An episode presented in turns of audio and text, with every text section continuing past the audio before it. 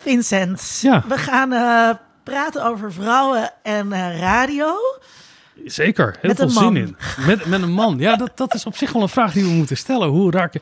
Nou, kan je... Dat is toch eigenlijk een hele slechte opmerking van jou. Zou je als man niet onderzoek mogen doen naar een belangrijke sociale bewegingen en radio waar eh elk over schrijft? Eh, kan, kan, vertel eens iets over, over de gast. Wat kan de luisteraar verwachten? Ook al Elk weten is, wij nog eh, niet wat wij gaan Ja, doen. eh, elk is eh, een van de meest eh, mondiale academici eh, die ik ken. eh, over de hele wereld gewerkt. Maar doet onderzoek naar eh, vrouwen en radio. En ik weet wel een beetje wat voor soort onderzoek die doet. Ja, Maar eh, niet eh, precies. Dus ik wil heel graag horen van op welke manier die dat doet. Maar ook waarom die dat doet. En gaat het dan over vrouwen op de radio? Of vrouwen eh, die radio maken? Of gaat het over publieken? of vrouwen, radio publieken? voor vrouwen. Radio voor vrouwen. Dus, Dat is eigenlijk eh, een eindeloos onderwerp dat we het hier niet eerder over gehad hebben. Nee, dat, dat viel me ook op. Dat we, we hebben wel eens ook iets over radio gedaan, maar nog niet zo heel erg veel. En eh Elk heeft me al wat fragmentjes toegestuurd. En die gaan we ook naar luisteren in de uitzending. Kijk en dat, eens. dat is toch ook is tijd geleden dat wij instartjes hebben gehad. Ja, nou, dat zijn nu al, vind ik, prachtige fragmenten. Dus, Nou, dus als wordt- ik luisteraar was, zou ik zeker blijven luisteren. Don't touch that dial, we'll be right back. Deze podcast wordt mede mogelijk gemaakt door Code Clear. Duidelijk over websites en design. Vanuit Amsterdam is dit Onder Media Doctoren, de podcast waarin communicatiewetenschappers zich verwonderen over de media. Elk, je bent er, onze gast, wat fijn. Elk Bademok, Hi. eh, je bent eh, bijzondere hoogleraar eh, Transnational Media eh, aan de Vrije Universiteit. En je bent ook werkzaam aan de Universiteit Ja, Utrecht. als normaal sterfelijke mens. Als normaal sterfelijk mens zonder, Precies, zonder ja. toga. En dat Ja. aan de beste Nou, universiteit van het land. Ja, nou, dan mag je ook wel weer je toga aan. Nou, daar moeten we een andere keer Ja. over hebben, over hiërarchieën in de academische wereld. Ehm Elk, we gaan het vandaag over radio hebben. En jij, jij, jij stuurde me een fragmentje. En dat wil ik graag laten horen. Maar ik zou graag willen dat je het even introduceert en ons even meeneemt naar Bristol 1992. Wat gebeurde daar? Ja, nou, het is Brussel 1992. Het is eh 8 maart. Eh, of waarschijnlijk 8 maart. Internationale Vrouwendag. En daar gaat ineens in de lucht een nieuw station. Er was een hele jaar voor voorbereid. Op dit moment. En er komt een nieuw station in de lucht met bijna alle Your mother, your daughter, your sister, your lover, were your friends. Fem FM. Your mother, your daughter, your sister, your lover, were your friends.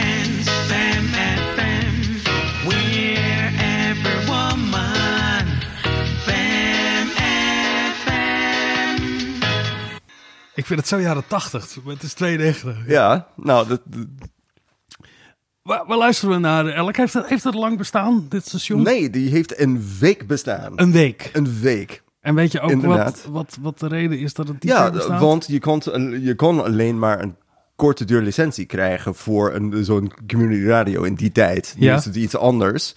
Eh, dus ze hadden geld voor gevraagd, een hele project om de station eigenlijk een beetje als proef op te zetten. En ze hadden een hele, ja, een hele zender voor uitgevonden. Dus managementstructuren, het hele gedoe. Eh, ook om een beetje te bewijzen dat het kon. Maar wie, ook wie, is, wie is de ze van De ze? FM? FM? Eh, heel veel activisten. Eén ken ik heel toevallig heel goed, Caroline Mitchell. Ik zat met haar ook in een project. En die, die is academic, eh, ook academica geworden. Die zit nu aan de Universiteit Sunderland. Ehm, ik ga haar vragen toestemming vragen om de jingle ook, ook eh, mee te, te, te We zenden. gaan ervan uit dat alle belanghebbenden van alle rechten... Ja, nee, we- we hebben deze jingle ooit ook eh, in een eh, online tentoonstelling gezet. Dus, ehm, maar dat is een apart verhaal. Komen we al zo op. Prima. Linda, zoals altijd aan mijn zijde, mijn vaste mede-media-dokter, dokter Linda Mhm. Duits. Linda, luister je eigenlijk wel ruiden? joh? Nee, ik luister nooit naar de radio. Helemaal nooit. Nee, en eh, ik ben podcastluisteraar, dus waarom zou je in hemelsnaam radio luisteren als je ook podcast kunt luisteren? Ehm, en eh, veel radio is eh, mega irritant ook. Dus als je naar een popzender luistert, dan heb je bijna altijd mannelijke DJ's die radio maken voor een mannelijk publiek. Dus dat voor een mannelijk hetero publiek ook nog, of een wit. Een, eh, een wit cis hetero eh, mannelijk eh, cis wit hetero publiek. En dat zijn bepaalde grappen. En vroeger wist ik ook niet beter. Dus toen ik eh, opgroeide, luisterde ik veel radio. Luisterde ik sowieso altijd naar de top 40. En ging ik ook die nummers opnemen, uiteraard. Zodat ik die nog een keertje terug kon luisteren. Ehm, en ehm, ja, dat is dan een beetje gestopt als puber. want dan, dan luisterde ik naar mijn Walkman als ik op de fiets zat en zo. Ging niet meer in mijn kamer die radio luisteren. En later eh, had ik een vriendje en eh, die luisterde in de auto, s ochtends eh, luisterde die naar, naar, naar dat soort radio. En toen bedacht ik me, toen bedacht ik me echt, waarom zou je hier in hemelsnaam naar luisteren? Dat, dat, dat dat echt verschrikkelijk is. Maar het is, ja, dus ik denk dat het met een heel specifieke doelgroep in, in het hoofd gemaakt is. En dat je nu geloof ik wel iets meer vrouwelijke sidekicks ziet. Maar ik heb me dus ook nooit doelgroep gevoeld. Van die Q-music-achtige Radio 538. Dat ja, is- ik ook niet hoor. Het, het, het, het is een heel specifiek profiel, lijkt het voor ogen te hebben. Wat inderdaad heel wit, heel cis, heel eh, hetero is. Maar ook een, een hele specifieke midden-middenklasse. Eh, er zitten vaak heel veel verhalen in over de week is bijna doormidden, het is bijna klaar, de arbeid is verricht. Ja, Eh, Ja. maar echt bedoeld eh, voor mensen die ja. inderdaad een, eh, eh, op hun kantoor werken. Ja, maar ook een werkplek hebben waar je radio kan luisteren. Ja. Met, met, met je collega's en, en spelletjes mee kan doen misschien of luisteren. Eh, Ja. is, is, is dat... Is en dat... precies, ja. En, en 's ochtends natuurlijk is ook eh, drive time is heel erg belangrijk. De mensen die ook een grote auto hebben Ja. en, en dan dit soort dingen kunnen beluisteren. Ja, daar zat ik dan dus met mijn vriendje in. Ja, Elke dag in de file van Utrecht naar Amsterdam. Die jolige, joligheid. Ja, Ja. nee, dat, ik- heb ook een diepe hekel aan dit soort radio. Eh, toen ik tiener was, eh, ik ben in de VS opgegroeid. Wij hadden ook eh, college radio. En dat was soms, nou, de muziek was gewoon beter. Nou, al- vooral als je van, van de indie muziek houdt. Dat was ook heel erg wit, maar dat is een ander verhaal. Ehm, maar de DJ's waren zo slecht in sommige gevallen. Ja. Ik deed ook college radio en ik was ook ontzettend slecht. Ik heb cassettes van die niemand meer krijgt te horen om uit die reden. Uh, maar het was tenminste veel menselijker en beter. En, en er was veel minder, behalve een paar mensen die, die zo'n mens heel graag wilden, ja, wilden zijn on air. Maar dat soort hele. ho, ho, ho, ho, ho. Ja, maar is dat een Nederlands fenomeen of is dat... Nee, nee, Dit- nee, nee. dat- Dat, dit- dat is een globaal fenomeen. Ehm, dit soort idioot DJ. En, en dat, dat komt op uit een bepaald historisch moment. De, het moment van de DJ. Ja. Ehm, er waren ook andere mannenculturen in het radio, maar de, de, de DJ. Hoe, hoe ver terug in de tijd wil je gaan? Ehm, de- de- echt DJ-shows op die manier zijn naar Nederland gekomen eh, begin jaren 60. Met Radio Caroline en la- later Ja, de en, Nederlandse... Nou, Veronica was voor Caroline. Dat moeten we altijd. Nederland was eerst. Oh, echt waar? Of, of Oh, niet? ja. Denemarken was eerst. eh, 1958 met eh, Radio Mercure. Maar dat Ehm, profiel, als ik ja. het zo mag noemen, van eh, de DJ die je aanspreekt als je beste vriend. Ja. Dat hele amicale, dat eh, we helpen je de dag door, Mhm. eh, niks serieus nemen. Ik schets nu even een aantal karakteristieken. Ja, maar er was wat, wat Linda ook net zei, een, een soort van heel macho aan. Ja. Van, ja, ik ben, ik probeer je, ik doe heel, ja. Ik, ik probeer sexy voor de vrouwen te zijn en, en even een beetje bad boy. En, en dit soort imago had je ook heel vaak. Ja, en dat, en- dat, dat was de DJ.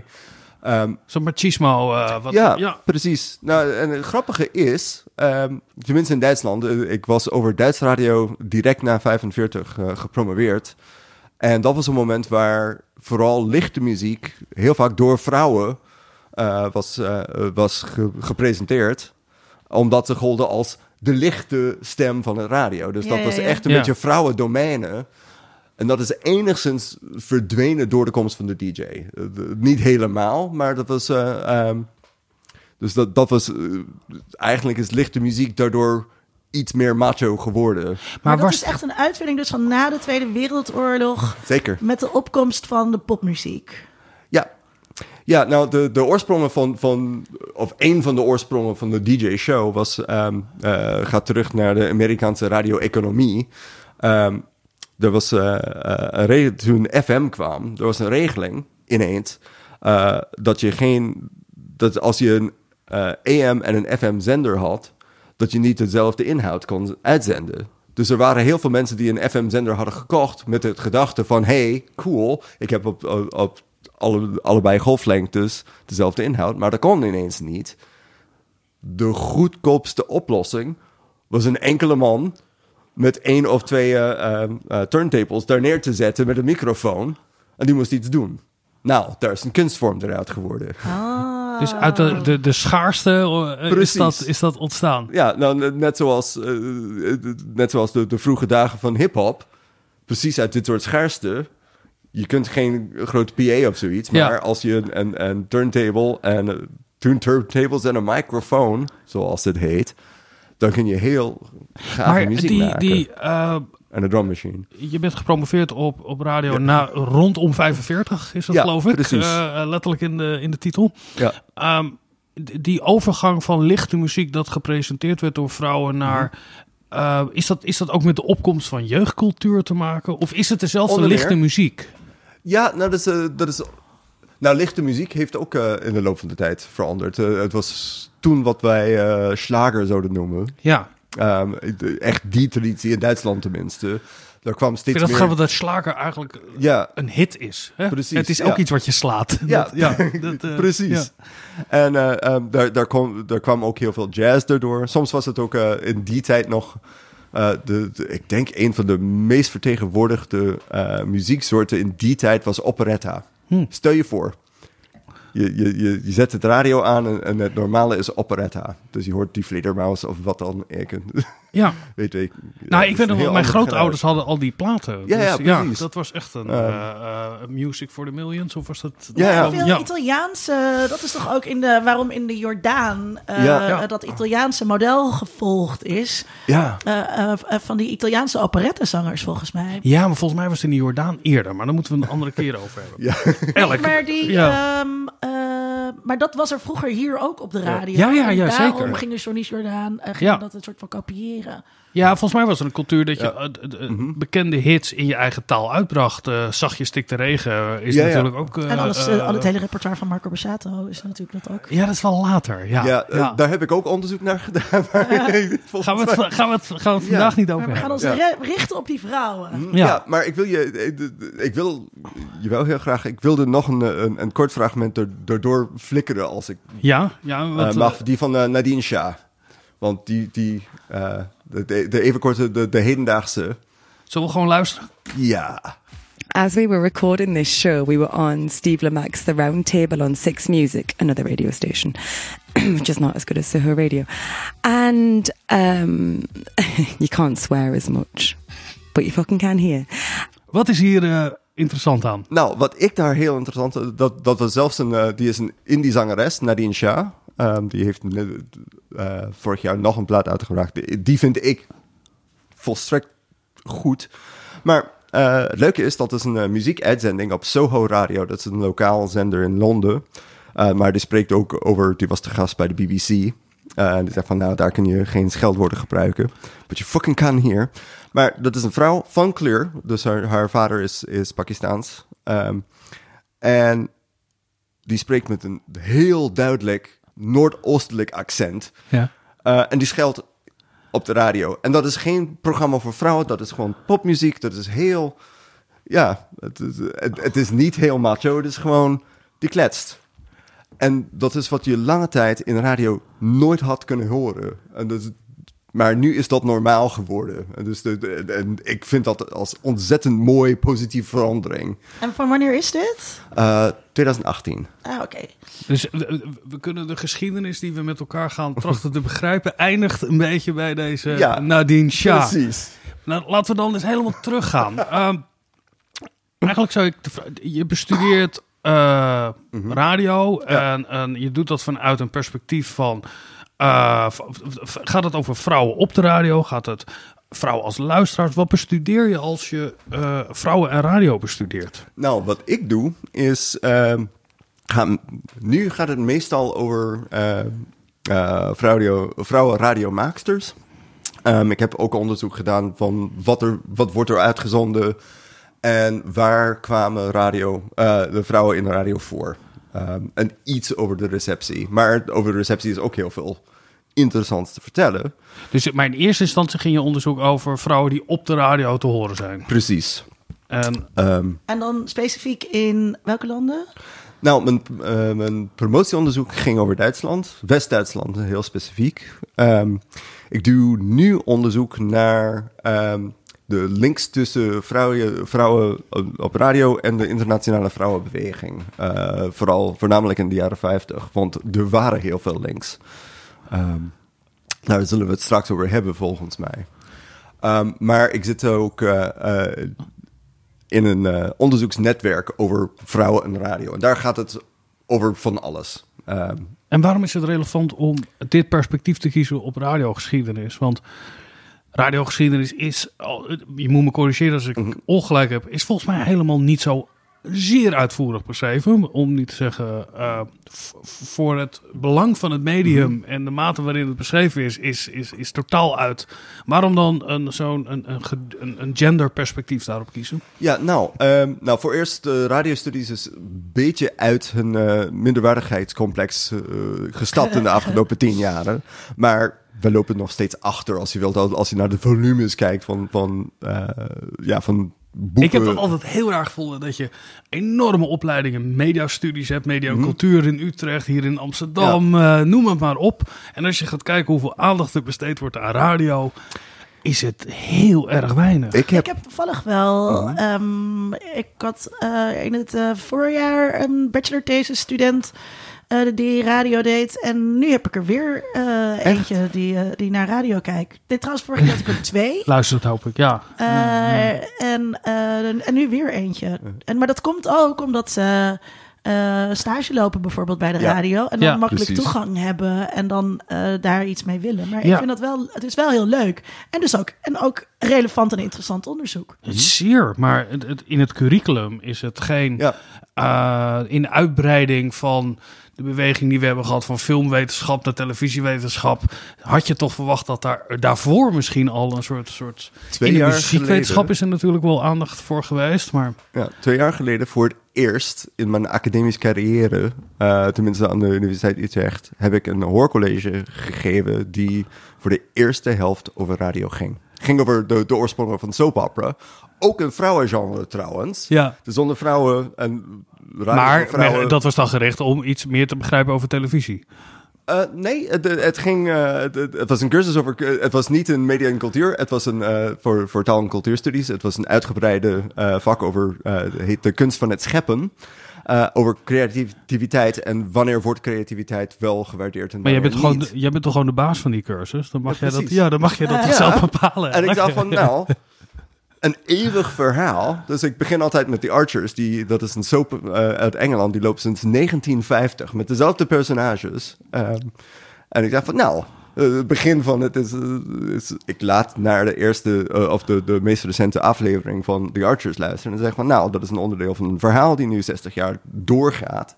eh 70 ondertussen. Is dat niet het grootste kunstwerk onze tijden Ja, te vergelijken met de grote kathedralen van Europa. Ja, Waarom niet? ja. is ja, de tweede vraag. ja, ja.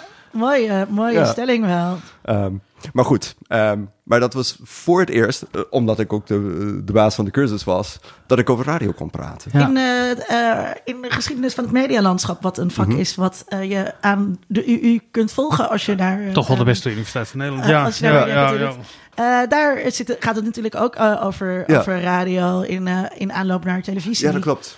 En ehm, ik weet eigenlijk niet, ik geef nu les bij Media Studies hier in Amsterdam, eh, of het daar ook ergens in het curriculum zit. Ik betwijfel dat hoor. Nou, nou, Eh, Carolyn Birdsall doet, over, die, die doet heel veel van de sound studies. Eh, en die is ook ontzettend goed. En trouwens ook en iemand vanuit het Engelstalig buitenland die over Duitsland heeft gepromoveerd en nu hier in Nederland eh, ja. werkt. Maar goed, het is inderdaad, het blijft een gemarginaliseerd Ja, onderwerp nee, binnen, klopt. binnen ons eh, vakgebied. En ik denk Ja. iets dat mensen eh, ook als een soort van heel vanzelfsprekend eh, Ja. aannemen. Mhm. Dus ook dat misschien onze luisteraars er ook nooit zo over na hebben gedacht over radiogeschiedenis of ontwikkelingen in radio. Dat het een beetje een ondergeschoven kindje is. Het Ook blijft in de het krant meest... bijvoorbeeld. ja. In de kranten hoor je daar ook. Ja, Ja. Het, het valt me op dat met de opkomst van podcasts en wat dan ook, dat daar opeens allemaal aandacht voor is. Ja. Maar je had diezelfde aandacht op gezien ook wel van Precies. radio verwacht. Globaal gezien wordt, is, is radio nog steeds het meest gebruikte medium. Ja. En, en qua uren en minuten dat we eraan Ja, besteden. precies. En, Ja. eh, eh, Elk, als je onderzoek doet naar, eh, naar radio en schets het even voor ons. Hoe doe je dat? Waar, waar kijk je naar? Dat Eh, is een goede Hoe vraag. analyseer je? Hoe... Ehm, het, eh, nou, ik ben historicus over het algemeen, dus het hangt heel erg van je bronnen op. Het, is, het is ook het hangt heel erg van je vraag op. ja. Dus als je benieuwd bent naar wat er gezegd werd en hoe dat gezegd werd. Nou, als, je- als je benieuwd bent over hoe het gezegd werd, dan ben je van eh, opnames en radioarchieven afhankelijk. En zijn die er? Ja, die zijn er, maar je kunt eh, guess what doesn't get kept. ja.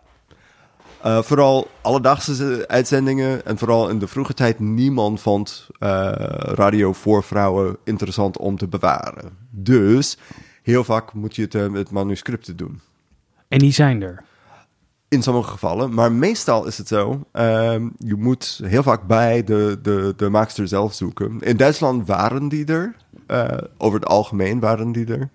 Ehm, maar bijvoorbeeld, ik heb eh, ehm, een, stem die we misschien ook straks gaan horen. eh, de radiomanuscripten van eh, Willemijn Hendrike Postumus van der Goot. Ik moet altijd een beetje aanloop nemen voor ik die naam Ja. kan uitspreken. Ehm, die deed een show sinds de jaren 30. Ehm, haar manuscripten zijn in haar persoonlijke collectie. En dat zit uiteraard niet bij de omroep, dat zit bij Atria.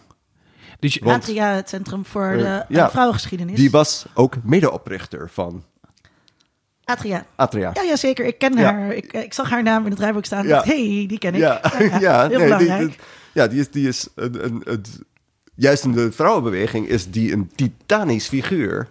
En eigenlijk eh, als maakster voor radio van vrouwen in Nederland was hij ook een pionier. Ik wist dus niet dat zij radio maakte. Nee, want Maar hoe ga je dan verder? Want, Ja, hoe- kijk, hoe- d- ja. dat je, de eerste stap die je zegt, je moet eerst je bronnen Ja. hebben. eh, die Ja. zijn er vaak niet. Tenminste, niet, in de, in, niet ontsloten, niet in de nationale archieven, en niet bij beeld en geluid. precies. Daar is heel veel, maar als je Mhm. een specifieke vraag hebt, laten we dit voorbeeld eens nemen Oké. over eh, Willemijn. Moeten we Nou. een stukje Willemijn luisteren dan? Er is nu groter werk voor ons weggelegd. Heel de maatschappij doordringen en omkeren. Omkeren van een grote weg die steeds heeft geleid tot haat en oorlog, naar de duizend kleine paden waar langs liefde en dan de vrede kunnen gaan bloeien.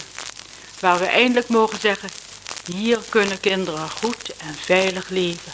Prachtig. eh, echt die stem. eh, die stem. Ja, Wat, wat, wat luisteren we nu? Wat hoorden we precies? Dit komt uit een... eh een Dat komt klinkt als een toespraak. grappig genoeg komt dat uit een boekrecensie.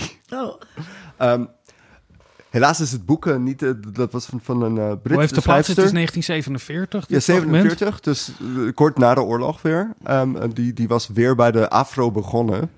Eh, en ze maakte eh, verschillende soorten van vrouwenzending, eh, uitzendingen voor de Afro. Eh, haar vader was met Willem Voogd heel goed bevriend. Dus, eh, De was- oprichter van de AVRO. precies, dat Ja. was eh, dus een van de, de, de ins die zij had eh, toen. Maar die was ook duidelijk een heel slimme vrouw. Die was trouwens ook de eerste vrouw die in economie in Nederland was gepromoveerd.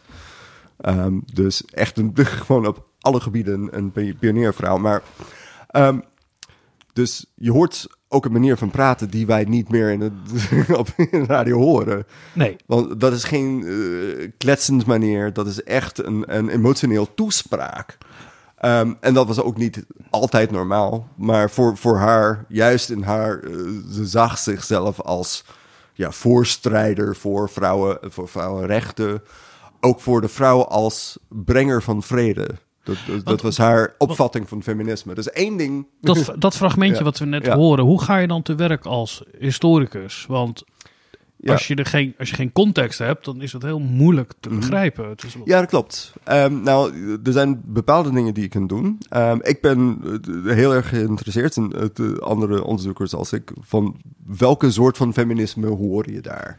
En wat je hoort daar is heel veel eh, uit, van, van vrouwelijke solidariteit op basis van vrede, moederschap. Dus zogeheten vrouw, vrouwelijke eigenschappen zullen de basis vormen voor een nieuwe vreedvolle maatschappij. Dus de voorbeeld van dit beeld van eigenlijk heel vaak bourgeois vrouwen zijn. eh, die zag zichzelf als, als ja, eigenlijk voorbeeld voor hoe alle vrouwen eigenlijk moesten zijn. Beter opgeleid, vreedvol, et cetera. Deugdzaam. Precies. Ja. Er zit dan ook een, een, een verheffing eh, ideaal achter om de vrouw... Zeker weten. En want ik, uit het fragment hoor je ook dat zij vrouwen direct aanspreekt. Mhm. Ja. Want het gaat om Ja, de die- luisteraarsters. Precies.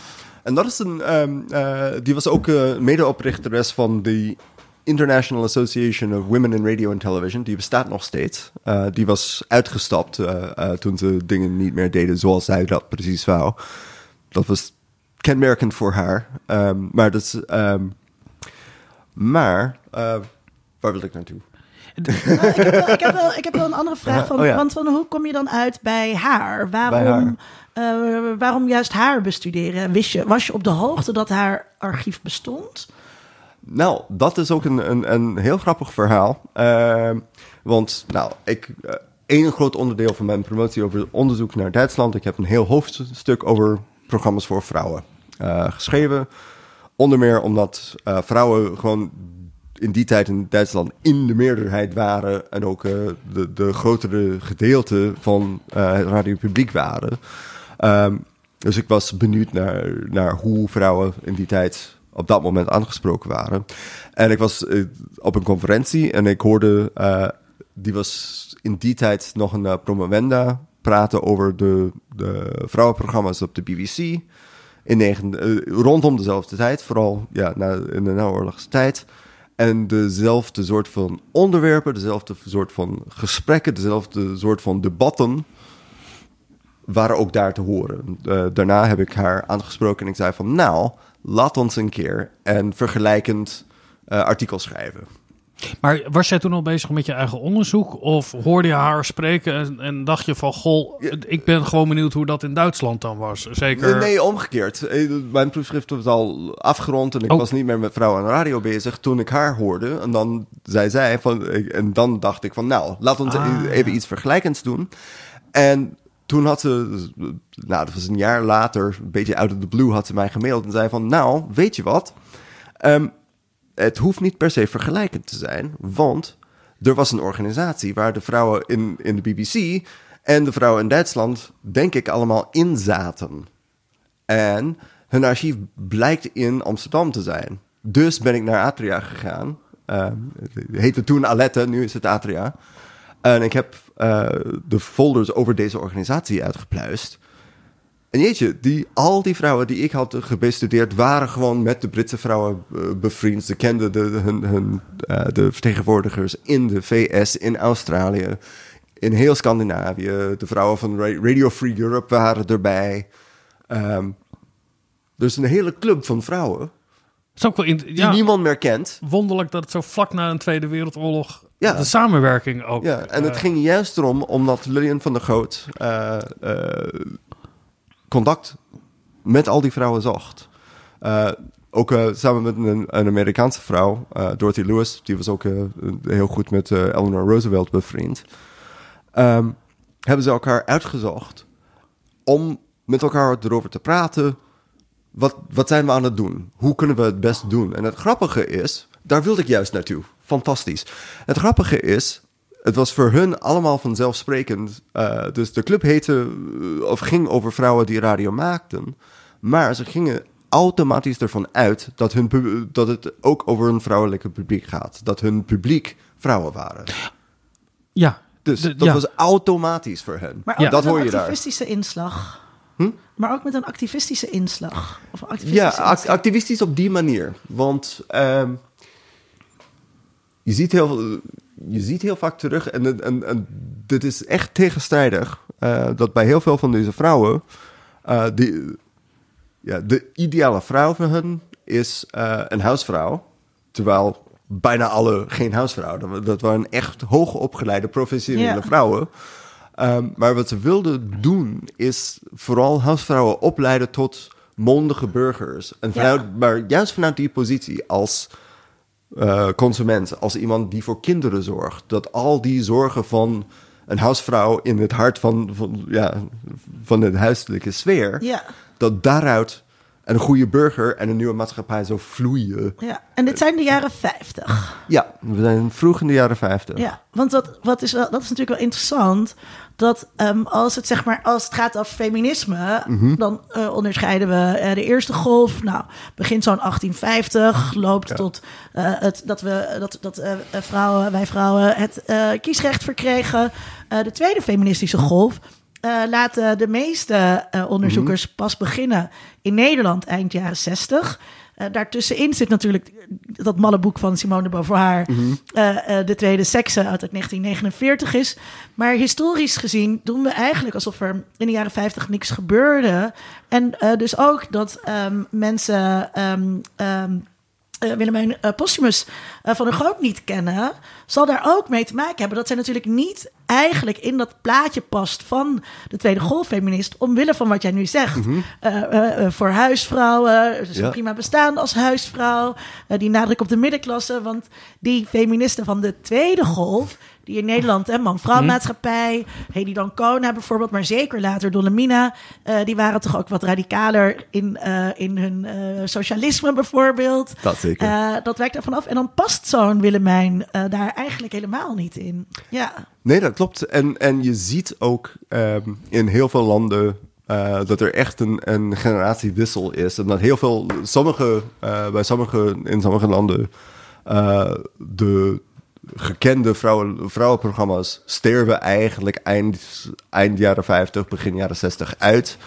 En daar komt eigenlijk een tijdje niks. Of, of heel sappige programma's voor huisvrouwen. En dan komt eh, echt de tweede feministische golf. ja. Ehm, met helemaal geen aanwijzing wat er, eh, naar wat er daarvoor is gegaan. Een collega van mij uit Australië, eh, Justine Lloyd, heeft een boek een beetje daarover geschreven. Dat is Australië, Canada en de BBC, eh, Groot-Brittannië, dan in vergelijking.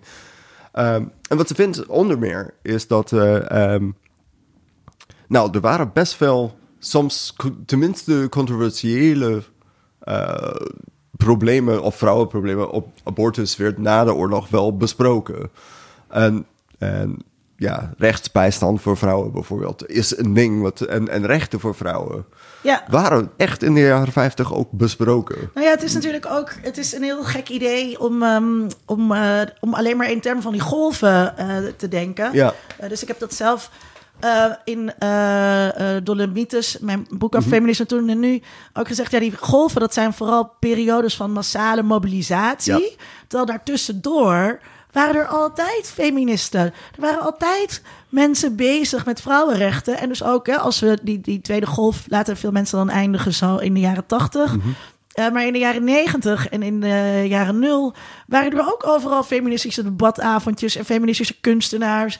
en feministen op televisie deze- die dingen zeiden. En dat is hier natuurlijk ook mee. Ja, zeker. Maar, denk je dan dat deze periode niet ten bate was eigenlijk van het tweede golffeminisme van de late jaren 60? Dat het niet het, het, het vorm van eh, emancipatoire denken is wat paste bij... En dat we daardoor ook de geschiedenis niet kennen. Nou ja, dus het past niet in het beeld van, die, van de golven. Dus dat, er, Ja. dat, er, dat, Ja. die, dat die hoge oplevingen er zeg maar zijn. En, eh, ja, en dat gedachtegoed. eh, eh, als ik dit een beetje zo hoor van Alec, ja, dan, dat past er helemaal niet binnen datzelfde kader als man van maatschappij of Dolomina. Dan kan je daar geen rechte lijn eh, tussen trekken. Ja. Terwijl je wel kunt zeggen, Simone de Beauvoir was een grote inspiratie eh, voor, Dolomin, voor Dolomina. Ehm, maar, maar dit past daar niet in. Nee. je kan niet zeggen, er is een land eh, waar vrouwen willen wonen. eh, en eh Joke Smit, eh, die, wat was het, het, ehm, het onbehagen van de vrouw schreef, dat gaat heel erg over, is, is een huisvrouw bestaan alles dat er is. Ja. Wat daarbij trouwens ook wel weer interessant is, is dat het vooral aan het begin vooral, of man-vrouw maatschappij waren vooral dertigers die eh, al voor de oorlog dus geboren waren. Eh, en helemaal niet die babyboomers, wat, waar het vaak gemaakt, eh, wat er vaak gemaakt wordt. En wat natuurlijk ook meespeelt, is waar zij zich tegen verzetten.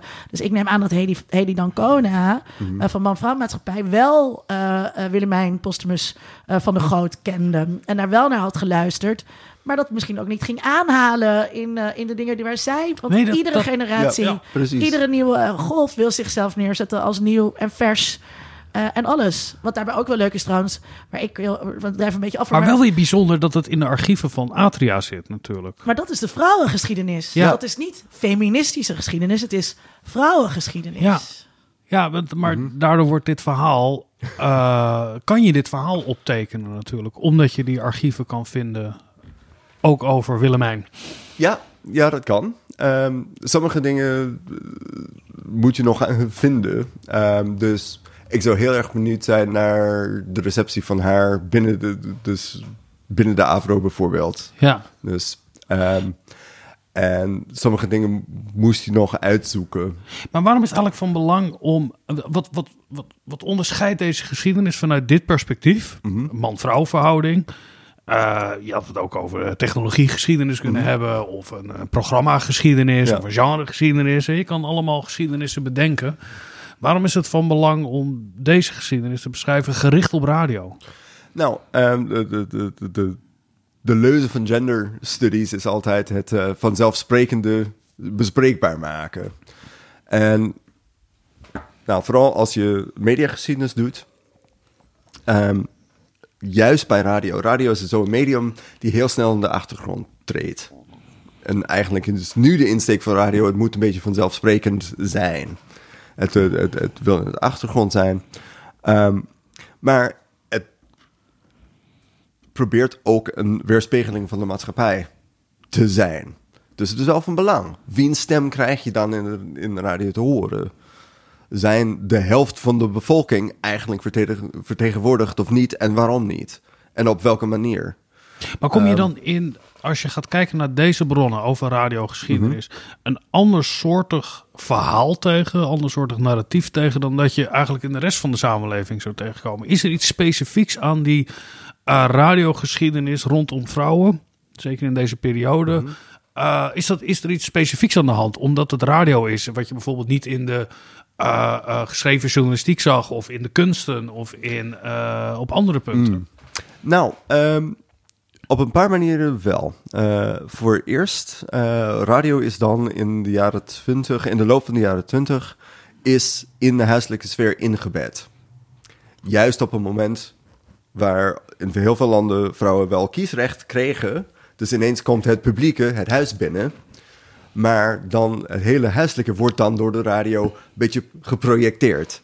Dus eigenlijk de sfeer die beetje bij de vrouw zou moeten horen, wordt dan publiek. Ja, dit, dit, Ja, dit, dit en vind ik heel- juist dit, dit dynamiek die, eh, die een grote gendervraag dan doet oproepen. Want, weet je, ehm, er komt een medium je huis in. Was dat daarvoor? Hoe was dat dan daarvoor? Was er ehm, met de introductie van radio, toen Ja. dat breed werd uitgerold, zouden we nu in eh, lelijke termen zeggen. Mhm.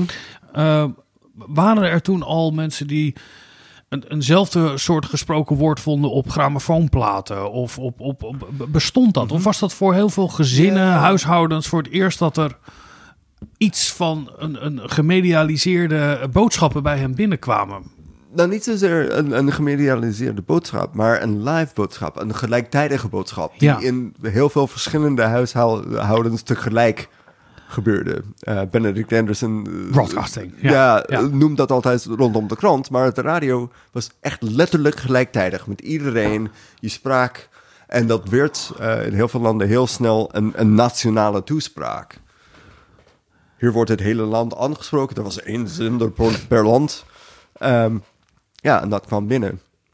En vooral overdag, als je, als je een ideaal idee van de familie hebt, waar iedereen behalve de vrouw buiten huis is, wat doe je dan overdag met radio? Wie is eigenlijk je publiek? Ehm, dus ook op die manier zit je met eh, zelfs eh, imagi- imagineerde vrouwen, maar de echte vrouwen die daarnaar luisteren, die dan eh, die stem eigenlijk te horen horen. Ehm, en dat, dat is een groot probleem. En elk land heeft het iets anders opgelost. Ehm, als je kijkt naar de BBC, ehm, zaten vrouwen in hoge posities eh, soms. Eh, Hilda Matheson was de eerste chef van, eh, van Talks bij de BBC. in de jaren twintig al. Zelfs een lesbische vrouw. die had een, een heel beroemd affaire met waar Sackville West, waarover Virginia Woolf Orlando schreef.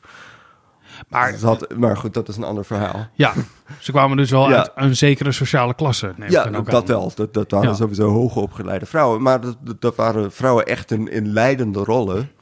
Ehm, in, in Italië waren vrouwen heel vaak te horen, juist om een mannelijke publiek aan te trekken. Die dachten van, hé, hey, als er vrouwen stemmen te horen zijn, dan willen mannen juist horen. Juist omgekeerd in, in Volgens mij is. Rai Uno daar nog steeds op gebaseerd. Ja. ja, maar in Duitsland juist omgekeerd. Die zeiden van, mannen willen geen vrouwenstemmen horen. Want dat is niet serieus. Want het- het- eerst zeg je, eh, eh, makers, eh, vrouwen die makers waren, maakten ook radio voor vrouwen. Dat was in heel veel landen de eerste niche die ze Ja. kregen. In de, bij, maar elk land deed het net iets anders. Maar grotendeels was, dat, was het wel het geval dat er geleidelijk ja, afdelingen kwamen eh, voor programma's voor vrouwen. Ehm, en dat waren heel vaak, nou, eh, in de VS, heel commercieel, is ook eh, soap opera erop uitgevonden. Maar Ehm, meer dan dat waren er heel veel adviesprogramma's. Hoe ga je met je huishouden om? Wat zijn de recepten die, die je laat weten ja, wat dat deze week te kopen is? Hoe spaar je een paar centen? Eh, hoe- Eigenlijk niet heel anders dan de huidige Libelle en Margriet. Hè? Dat, eh, Nee, eigenlijk niet eh, anders. Qua eh, Eh, onderwerpen. Ja, maar ertussen waren ook echt praatjes over. en daar was eh Willemijn Postumus van de Grote al in de jaren 30 mee bezig. Ze hadden een programma die heette Een kort gesprek van vrouw tot vrouw. En ze probeerden vrouwen uit verschillende klassen bij elkaar te brengen over een onderwerp te praten. Maar er moest altijd een hoogopgeleide vrouw zijn die eigenlijk de juiste mening had. Ehm, een beetje die insteek. Maar het was wel een kwestie van hoe doen we het juist? En, en Het oude, Ja. het oude VARA-verheffingsideaal, zeg maar. Ja. precies. Ehm, we hebben een fragmentje met eh, eh, uit de jaren 50. Dat Ja. je aan eh, een gesprek over radio maken Ja, met vrouwen uit 19... En dat Precies. sluit denk ik heel mooi aan op wat je hier ja, vertelt over laat ons dat maar horen. waarom er radio voor vrouwen werd gemaakt. ja. I feel that very often the woman behind the microphone is a sort of social service for women listeners. Don't you agree, Mrs. Yes, Quigley? we find just the same. Uh, we run this program, Women's Are, every day, and it's addressed to women in their own homes between two and three. And they write to us certainly about the program, but they write to us about everything under the sun. That they tell us about their lives, their children, their husbands, their troubles. They ask for advice. So much so that we now run as a regular item every week a program called Reading Your Letters. And it frequently turns into a forum of opinion because uh, somebody writes a letter on something of general interest and all the others then write in their views and it becomes a discussion. Hier lijkt het te zijn alsof deze makers zeggen Mhm. van... Goh, eh, we doen het omdat de luisteraars dat graag willen. Ja. Om, om dat advies te hebben. Nou, eh, eh, er valt ontzettend veel hierover te zeggen. Ehm, nou, één ding is eh, dat de luister... Dit was daadwerkelijk een programma waar heel vaak problemen aangekaart waren... Die, waarmee vrouwen echt bezig waren. Ze hadden echt grote publiek in de jaren 50. Ehm, en die waren een heel participerend publiek. Dat, dat wil te zeggen dat ze heel veel brieven krijgen over van alles... Dus het, was niet alleen maar, het ging niet alleen maar om de problemen die besproken waren. Het was in feite dat dat een plek was waar we het überhaupt over deze problemen konden hebben. We vergeten vaak dat radio een best wel interactief medium Ja. eh, was met inbellers en eh, briefkaartstuurders. En, Mhm. eh, Ja, En vrouwenprogramma's waren pionieren in heel veel van de, de aspecten eh, die nu als, als ja, eigen, ja, eigenschappen van radio zijn. Juist het participerend, juist het, het, het beetje kletsend. Dat was ja, echt gepioneerd in vrouwenprogramma's. Waar vrouwen samenkwamen en, en, en gewoon over dingen hadden. Oh, dat, ja, dus dat zie je eigenlijk, wat nu heel dominant is natuurlijk Ja. op, op eh, dat, dat... In het, het- eh, wat we hier doen. Talk radio, wat wij... Ja, Ja. of eigenlijk... po- Zie je, Dit. zie je podcast ook als een soort, soort Zeker continue, als vanuit ja, een... Nou, ik, ik zat eh, toevallig om me een beetje voor te bereiden, en, en omdat ik dat lang niet meer heb gedaan. ehm, ik zat naar de podcast eh eh, Dipsaus te luisteren. ja. Ehm, ik word altijd vrolijk van, moet ik eerlijk zeggen. Ehm, want het is gewoon gekletst op hoger niveau. Tussen vrienden, maar echt over belangrijke onderwerpen. Dat is echt. Sorry. Ja, waar vrouw en zwart zijn een, een, een, een, belangrijke rol speelt. En Daar zie je een duidelijke relatie met Ja, die jaren zeker. 50. Dat, eh, Mhm. eh, waarom waren deze vrouwen dan ook een autoriteit voor de luisteraars? Of luisteraars? Nou, ze golden. Nou, daar ben ik echt benieuwd over. Eh, Want zij zochten ook Ja, advies dan, de luisteraars, nou, bij ze, deze... Ze, ze zagen zichzelf als autoriteit. Ehm, ze golden wel als goed verbonden. Eh, het was hun taak om iedereen te interviewen. En ze hadden goede verbanden ook met de rest van, van ja, ook de mannelijke wereld. Ehm, die, waren, die zagen zichzelf en, en traden een beetje op als vertalers van, ja, van de publieke we- wereld naar de huiselijke sfeer. Dus- Maar was het ook een, een- een- We zeiden al eerder dat deze vrouwen uit een andere sociale klasse Mhm. kwamen. Werd er ook naar opgekeken? Eh, was het een... Nou, ehm, eigenlijk waren deze programma's niet altijd heel... Nou, die, die waren niet populair onder... eh nou, arbeidersvrouwen überhaupt niet. Dat, eh, daar, daar werd niet op gekeken. Ja, maar... Ehm, maar wel, de bourgeois-vrouwen juist wel. Of heel vaak tenminste. Maar die arbeidersvrouwen die waren waarschijnlijk ook gewoon aan het werk. Ja, die waren aan het werk. Of, eh, Eh, ergens ja, anders. En eh, die, die willen ook heel vaak eh, of eh, gewoon muziek aan het werk horen. Zoals wij dat zelf doen. Ehm, of juist andere problemen en, andere, de- de- en ook een beetje hun eigen stem ja, horen. minder Want- tuttig dan dat dit was. ja, nou, je, je hoorde de stem van Janet Quigley. En, en dat is dus... ehm, maar het grappige is, ik vertelde je over Christine Skook... eh, die mij ooit op, op deze organisatie heeft gebracht. Ehm, dit fragment hebben we dit jaar gevonden op de website van UNESCO. Dat was de eerste keer dat zij ooit de stem van Janet Quigley had gehoord. Oh. Zij, die, die schreef haar hele proefschrift onder meer over deze vrouw... en had nooit haar stem gehoerd. Tot dit jaar. Want die archieven die zijn dus super eh, gefragmenteerd, slecht Ja, bijgehouden. precies. Ja, Ja, ja. en, en ehm, er is een verhaal over Elizabeth Long. Die was een heel belangrijk eh radiomaakster in Canada. Ehm, die, eh, ze hadden, die wilde uit haar eigen, toen ze met pensioen ging, werd ze uit haar kamer, haar, haar studio of haar kamer aan, eh, bij de omroep verhuisd. En ze gaven de verkeerde datum aan en de verhuizers hebben de, helft van haar persoonlijk archief een beetje vernietigd. En je moet ook denken, daar, eh, daar bij de, station zelf, bij de zender zelf, was dat niet eh, bewaard gebleven.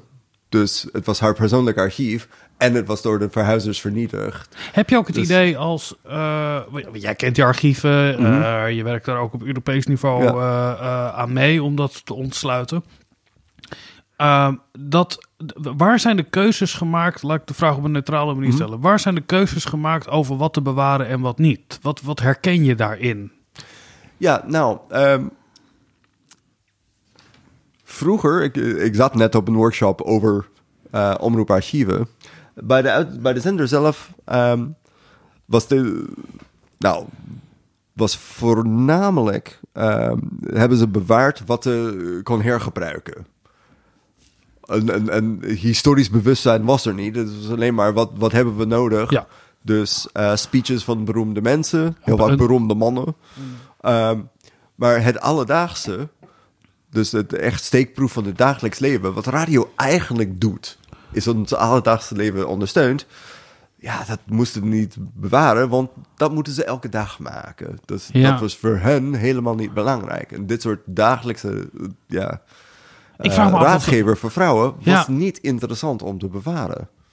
En, en en betekent dat ook omdat vrouwen zich meer in het alledaagse genre zaten, dat we dus Mhm. de- de vrouwengeschiedenis van radio minder goed bewaard is gebleven? Ja. Of, of slechter ontsloten ook? Of slechter of, eh, of, je moet het beschreven? elders, of je moet het elders zoeken. Eh, want heel veel, een, een vrouw zoals eh eh, Willem Postumus van der Goot, zag zich als hi- historisch persoon. Die heeft alles van zichzelf bewaard. Ehm, Lijkt me Ik een heb hele leuke heel vrouw. vaak over nagedacht bij Atria. eh, omdat ik daar ook eh, st- eh, student van de UvA Mhm. genderstudies deden. Die kregen daar een rondleiding elk jaar. En eh, dan dacht want zo ben ik dan ook alweer... dat ik dan ging denken, hoe zou het met mijn archief... Ja. Ja. zou ik ook mijn archief kunnen overdragen? En dan denk je, ja, Ja. wat, waaruit bestaat mijn archief Ja. eigenlijk? En ik heb helemaal geen... eh, eh, de mails goed bewaard of al die dingen. Je moet ook wel eh, best wel een beetje narcistisch zijn. Mhm. Ja. Wil je zo'n archief ook goed Precies. bijhouden? Ja. Ja. Ik, ik las net over Els Borst, die dat ook allemaal heel netjes bleek te hebben bewaard. Ja, ja, ja, pas En, eh, geleden las ik dat dat, zegt, dat zegt wel iets over hoe je over je eigen rol in de geschiedenis denkt. Ja. Dat, dat, dat vind ik wel heel mooi. Ik wil hier een, een kort shout-out geven. Eh, Antje Wiersma schrijft nu haar proef- proefschrift als biografie van Lilian van der Goot. Dus Kijk. er komt over een paar jaar eindelijk... En een van, van haar thema's is hoe zij zelf had geïnsceneerd als historisch persoon. Ah, ja. Dus hoe zij haar Ja. eigen verhaal voortdurend vertelde. Leuk, Antje weer van Atria dus, die je kent van de rondleidingen. Ja, precies. Elk, de, de, Ja. hoe werd er... Want de receptie van dit soort programma's die gemaakt werden door vrouwen... Je hebt al verteld over de, nou zeg maar, de trouwe luisteraars. eh, misschien wel eh, de Ja. liefhebbers van het programma. Weet je ook iets over hoe, daar, eh, hoe er door mannen naar werd gekeken of geluisterd? Hoe, hoe- wat voor Ehm. beeld was er van dit soort vluchtig gebabbel op de radio? Wat weten we daar überhaupt van, van die receptie? Ja. Nou, eh, nou, meer dan je zou denken. Eh, nou, eh, van, van de trouwe luisteraars natuurlijk. eh, ik ga ervan uit dat de, dat de brieven niet bewaard blijven. Dan komt het heel vaak voor dat mensen altijd spreken van... oh, we ontvangen heel veel brieven. We lezen een paar voor. En als je geluk hebt, heb je een opsomming ergens in een archief. Maar de, de, de brieven blijven bijna nooit bewaard. Ehm, maar... ehm, soms weten we wel dat ja, mannen hebben ook eh, gereageerd soms. Dus er waren ook mannelijke luisteraars. Nog steeds bij Woman's Hour, wat in de jaren 50 was begonnen. eh, die Janet Quigley ook eh, daar noemde. Dat loopt nog steeds. Dat kun je nog steeds beluisteren. Dat, dat doe ik ook soms. Want ze spreken over allerlei leuke dingen. Ehm, maar ehm, maar soms, eh, eh, heel vaak gold dat als, ja, dat was alledaags. We hoeven ons eigenlijk daar niet mee te bemoeien. Ehm, wat soms heel veel vrijheid gaf. Dus je hoort heel veel van, van eh, vrouwenredacties. We konden eigenlijk doen wat we, wat we wilden doen. Juist omdat de mannen luisterden daar niet naar. We konden, wij konden van alles maken. En zat het dan ook op oneigenlijke timeslots? eh zoals we dat nu Meestal laat in de ochtend. Eh, dat, dat, dat, dat was een vaste Ja. teun. En, en soms laat in de middag. Maar vrouwenredacties hebben ook heel vaak Als de kinderen naar school zijn Ja, en het huishouden is op orde, Ja. dan kan je even radio luisteren. Ja, Ja, maar heel vaak hebben eh, vrouwelijke redacties ook in de jaren 40 in Duitsland gevochten voor timeslots in de avond. Waar ze juist werkende vrouwen konden bereiken. Eh, maar heel vaak gold dat niet. Al, al wilden ze over, over vrouwen in de hele maatschappij spreken. En juist over werkende vrouwen spreken en aanspreken, konden ze het niet. Want de enige uitzendtijd die ze konden krijgen was 11 uur s ochtends. we, we- we zitten nog steeds in de jaren 50. En Ja, met een, een- sorry, een- dat, dat, dat, is, Ja. dat is prima. Ehm, d- het verandert, uiteraard. Ja. Eh, je haalde al aan Tweede Golf, feminisme, Ja. eh, late jaren 60. Eh, hoe veranderde radio voor vrouwen of radio door vrouwen? Nou, je leidt heel goed in. We hebben zelfs een, fragment om, om te horen. Ehm, er was een heel groot, eh, een mooie documentatie op de VARA, natuurlijk, de socialistische zender. Was, een, was een programma onder meer die, heet, die heette Hoorhaar. En die noemde zichzelf, eh, die noemde zich niet een Ik vind die titel zo mooi. Ja, want, want het, heeft zo'n dubbele lading. Ja, Ik, ik weet niet als jij het non-native speaker dat nee, dat- herkent. Nou, hoor haar betekent zowel van luister naar haar, maar hoor haar is ook van laat maar praten. Hoor haar nou, weet je wel. Dat, Nou, eh, en de jingle ja. was heel veel mensen eigenlijk een beetje lachend zeggen van hoor haar, Ja. hoor haar. En dus het is echt, ehm, ja, die spelen helemaal erop in. Dus het is heel mooi om te beluisteren. Maar die noemt zich niet, een, niet alleen maar een vrouwenprogramma, maar die noemen zich een feministisch programma. Ehm, en, en juist met, met mijn jaren 50 oren is dat heel leuk om te horen. Ehm, en ze hebben het, eh, ze, ze hadden ook over de vrouwengeschiedenis. Dus daar is een van de weinige plekken bij de omroeparchieven waar af en toe de stem van Lilian van de Grote horen is. Is juist omdat er voor dit programma ook werd geïnterviewd. Dus eh, wat, wat je net zei over de golven. Er was wel bewustzijn van haar. Oh, zij Eh, was nog onder ons in eh, ja, de jaren die- 70. eh. tot, tot in de jaren negentig. Wauw, ja, Ja. Dat is een flinke Ja. promotieklus als je daar eh, Ja, dat moet beschrijven. ja. Ehm, Ehm, maar hoor haar, 1981. Terug. Vlak naar de eh, verkiezingen zelf. Leven we dan niet in een vrij land? Zijn we niet vrij om te denken wat we willen? In ieder geval zijn we vrij om eens in de zoveel jaar onze stem uit te brengen. Maar zijn wij vrouwen ook vrij om over straat te lopen zonder te worden nagefloten, te worden aangeraakt of zelfs te worden verkracht? Bewijzen de smakeloze uitstallingen in de etalages van pornowinkels hoe vrij we zijn? De anarcha-feministen zeggen dat is terreur. Dat is een uiting van fascisme. Zij hebben gisteren niet gestemd, maar kiezen hun eigen leven. De Amsterdamse burgemeester kondigde ooit aan keihard te zullen optreden tegen hen die met begrip praten over stenen gooien. En hij is de enige niet. We citeren in deze uitzendingen anarchistische vrouwen als Emma Goldman en Rosa Luxemburg. Zij schreven met begrip over het anarchisme van de daad. En tegen hen werd dan ook keihard opgetreden.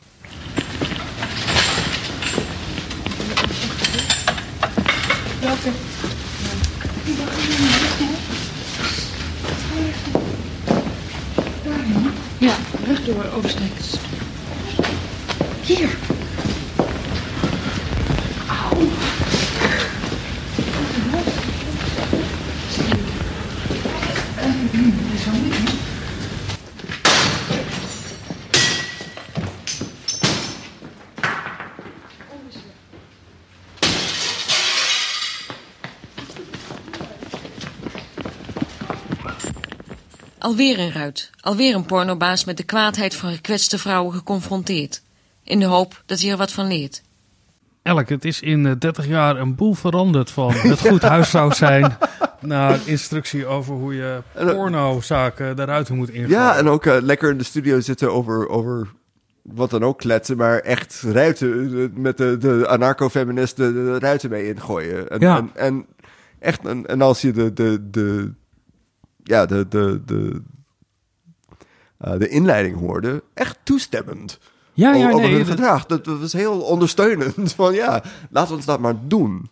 Hoe- Ehm, Wie waren dit, dit waar, uit welke hoek kwam dit? Want we hebben het over 81. Eh, het is natuurlijk in, in, in tijdsperiode heel kort eigenlijk Ja. na wat er in de jaren 50 was. Het is één generatie. Oef. Ja. En eigenlijk moest ik veel meer over de verhoudingen binnen de, de, de, de omroepen eh, weten. om, om je te kunnen vertellen hoe dat is gekomen. Maar er was zeker blijkbaar, blijkbaar behoefte aan. En er waren de vrouwen die zich doorgezet bij het station. En die zeiden van ja, dit moeten we aanspreken. eh, en bespreken. Ehm, hoe ze de zendheid eh, wisten te veroveren, dat weet ik niet. Linda, heb jij daar... eh, je hebt eh, geschreven natuurlijk eh, veelvuldig over de geschiedenis ook van het feminisme. Ja, dus wat je, wat je ziet is dat, dat kijk, die VARA als, als socialistische omroep, of omroep met socialistische inslag, was natuurlijk heel erg gunstig voor heel veel van die vrouwen. En die vrouwen zaten in de socialistische beweging, dus daarmee waren de lijntjes heel kort. Dus het is ontzettend logisch dat zij die zendtijd hebben weten te verkrijgen. In de jaren 70 gaat het binnen feminisme heel erg over eh, porno en, eh, en prostitutie. Eh, dus je de, de anti, anti-porno ehm, eh, feministen die daar ontzettend sterk tegen ageren. Ehm, en, dat, en dat was, ehm, dat was bon ton binnen het feminisme. Dus ruiten inslaan. Nou ja, oké, maar die porno, dat werd toch wel. Die pornowinkels. eh, die werden toch wel echt ook gezien als super verderfelijk. En daar was ook onder de niet-anarcho-feministen ehm, eh, veel, veel begrip voor. Ja. Ehm, dus eh, die werden ook, eh, deuren werden dichtgekit en... Ik heb de hele uitzending beluisterd en er wordt ook heel mooi besproken over...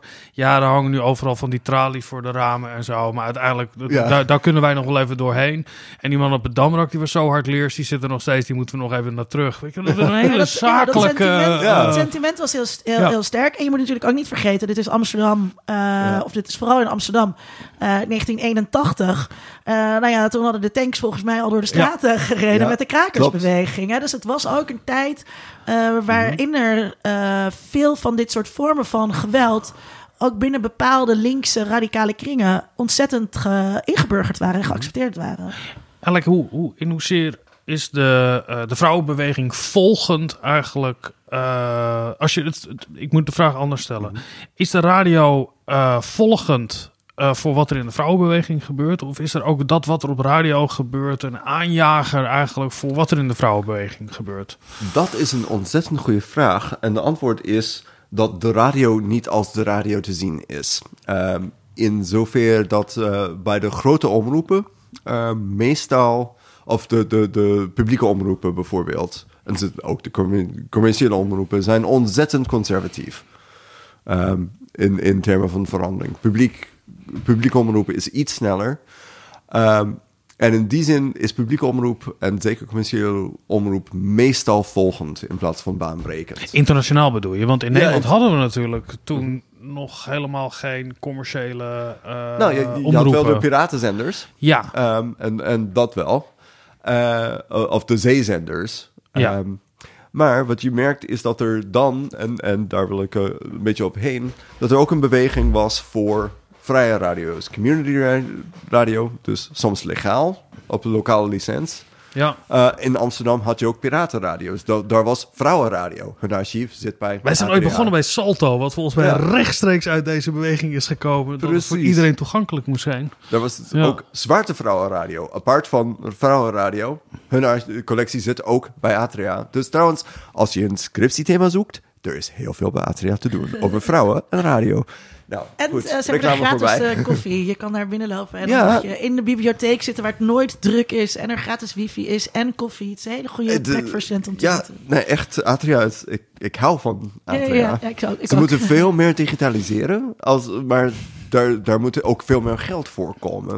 Dat is ook een ander archiefpunt, maar daar hebben we later Ik wil heel cynisch zeggen, nee, je Ja. kan beter gewoon twee of drie eh dode witte mannen beschrijven voor je scriptieonderzoek. Het is veel beter ontsloten, kan je hem veel makkelijker vinden. Mhm. Eh, dat maakt het verhaal een stuk makkelijker. Ja, nou... eh, Maar heb je nu al een antwoord gegeven op de vraag? Is, is radio hier een aanjager geweest voor de veranderingen? Nou, het punt is, bij community radio is het heel vaak wel een aanjager geweest. En dat is een plek waar eh, heel vaak ongehoorde vrouwen een stem vonden. Ja. Juist bij Fem FM, als, als we hebben gehoord, vrouwenradio, dat waren mensen die echt hun eigen radio maakten. En dat was een echt een eh, empowering bron. En dat hoor je steeds meer.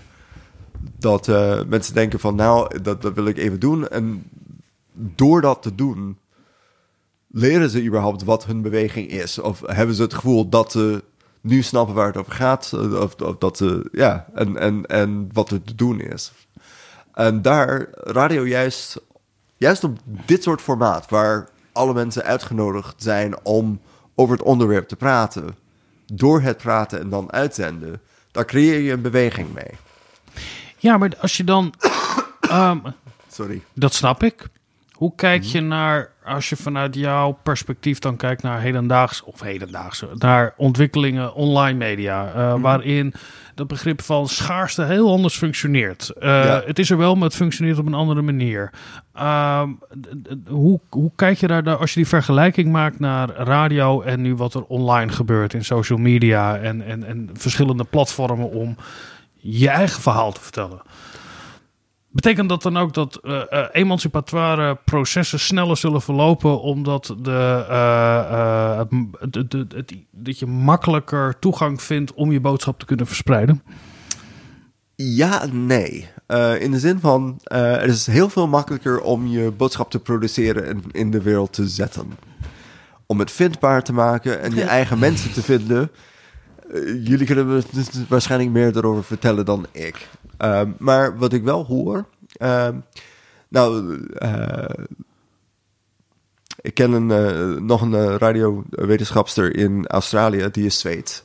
We zijn allemaal internationaal.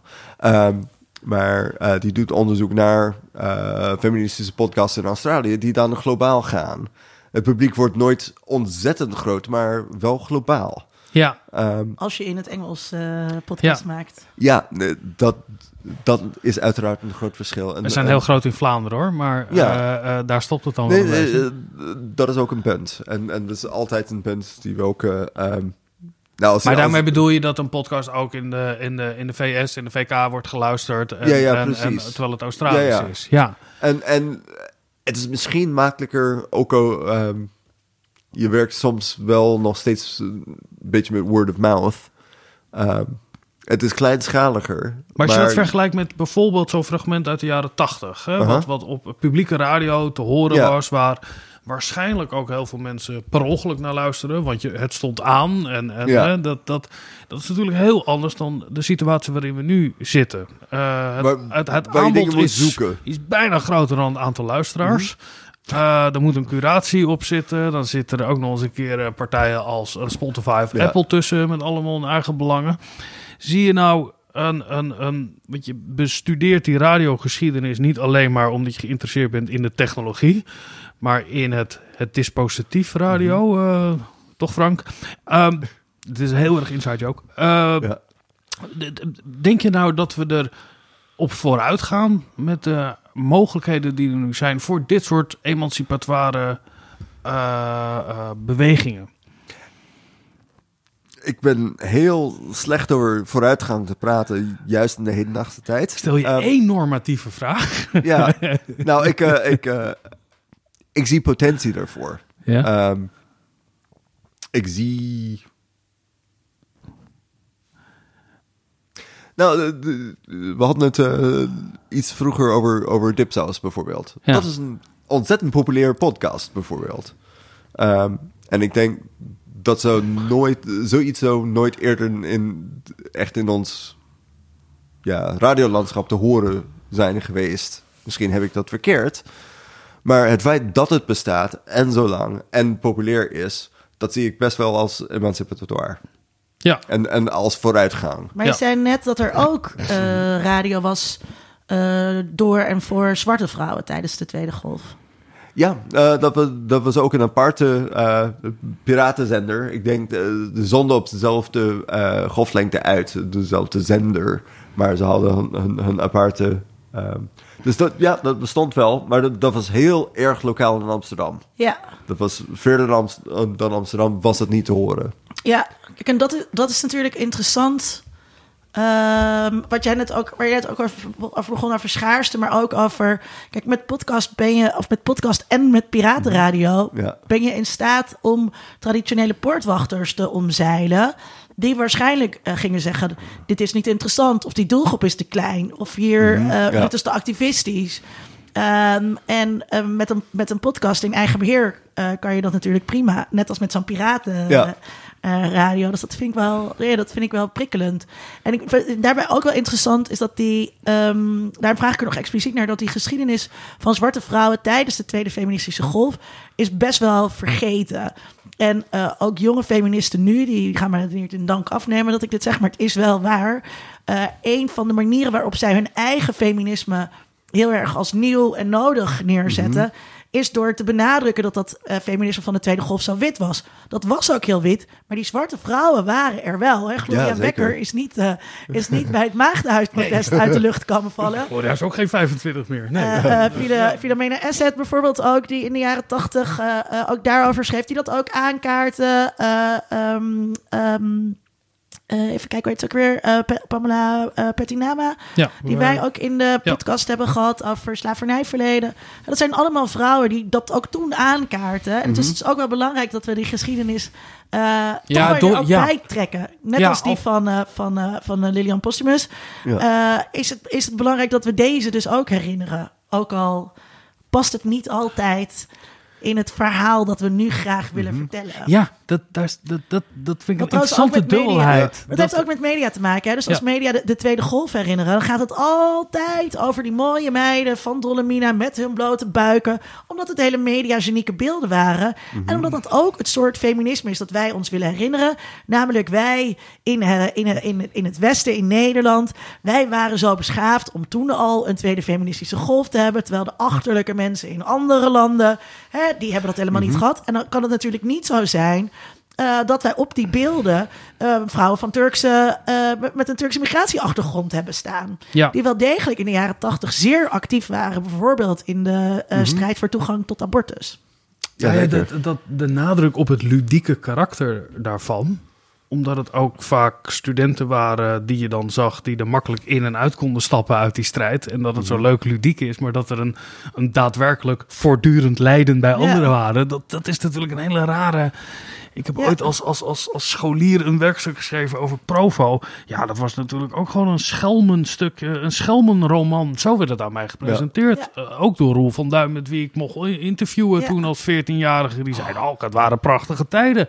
Eh, natuurlijk. Maar ja, hè? want we hadden allemaal een kamertje op de Prinsengracht waar we wonen. En zaten zo fijn dicht bij het spui. Ja, dat, dat is natuurlijk wel een ander soort geschiedenis dan. eh, maar Mag ik daar een vraag over stellen, Ja. Alec? Want dat, eh, is natuurlijk een, dat gaat over wie, wie bepaalt wat herinnerd mag worden. Ja.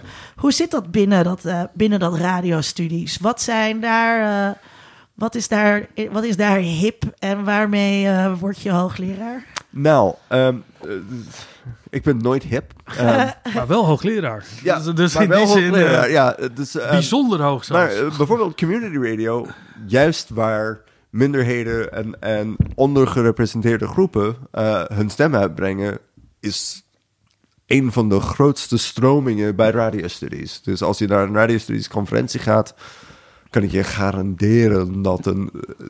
mijn indruk is dat een beetje zo'n kwart van de... de ehm, van de bijdragen juist over community radio gaan. Dat is een, een belangrijk stroming. Ja. Ehm, want heel veel van... eh, het is ook grappig, want... ehm, je merkt bij, bij filmstudies bijvoorbeeld...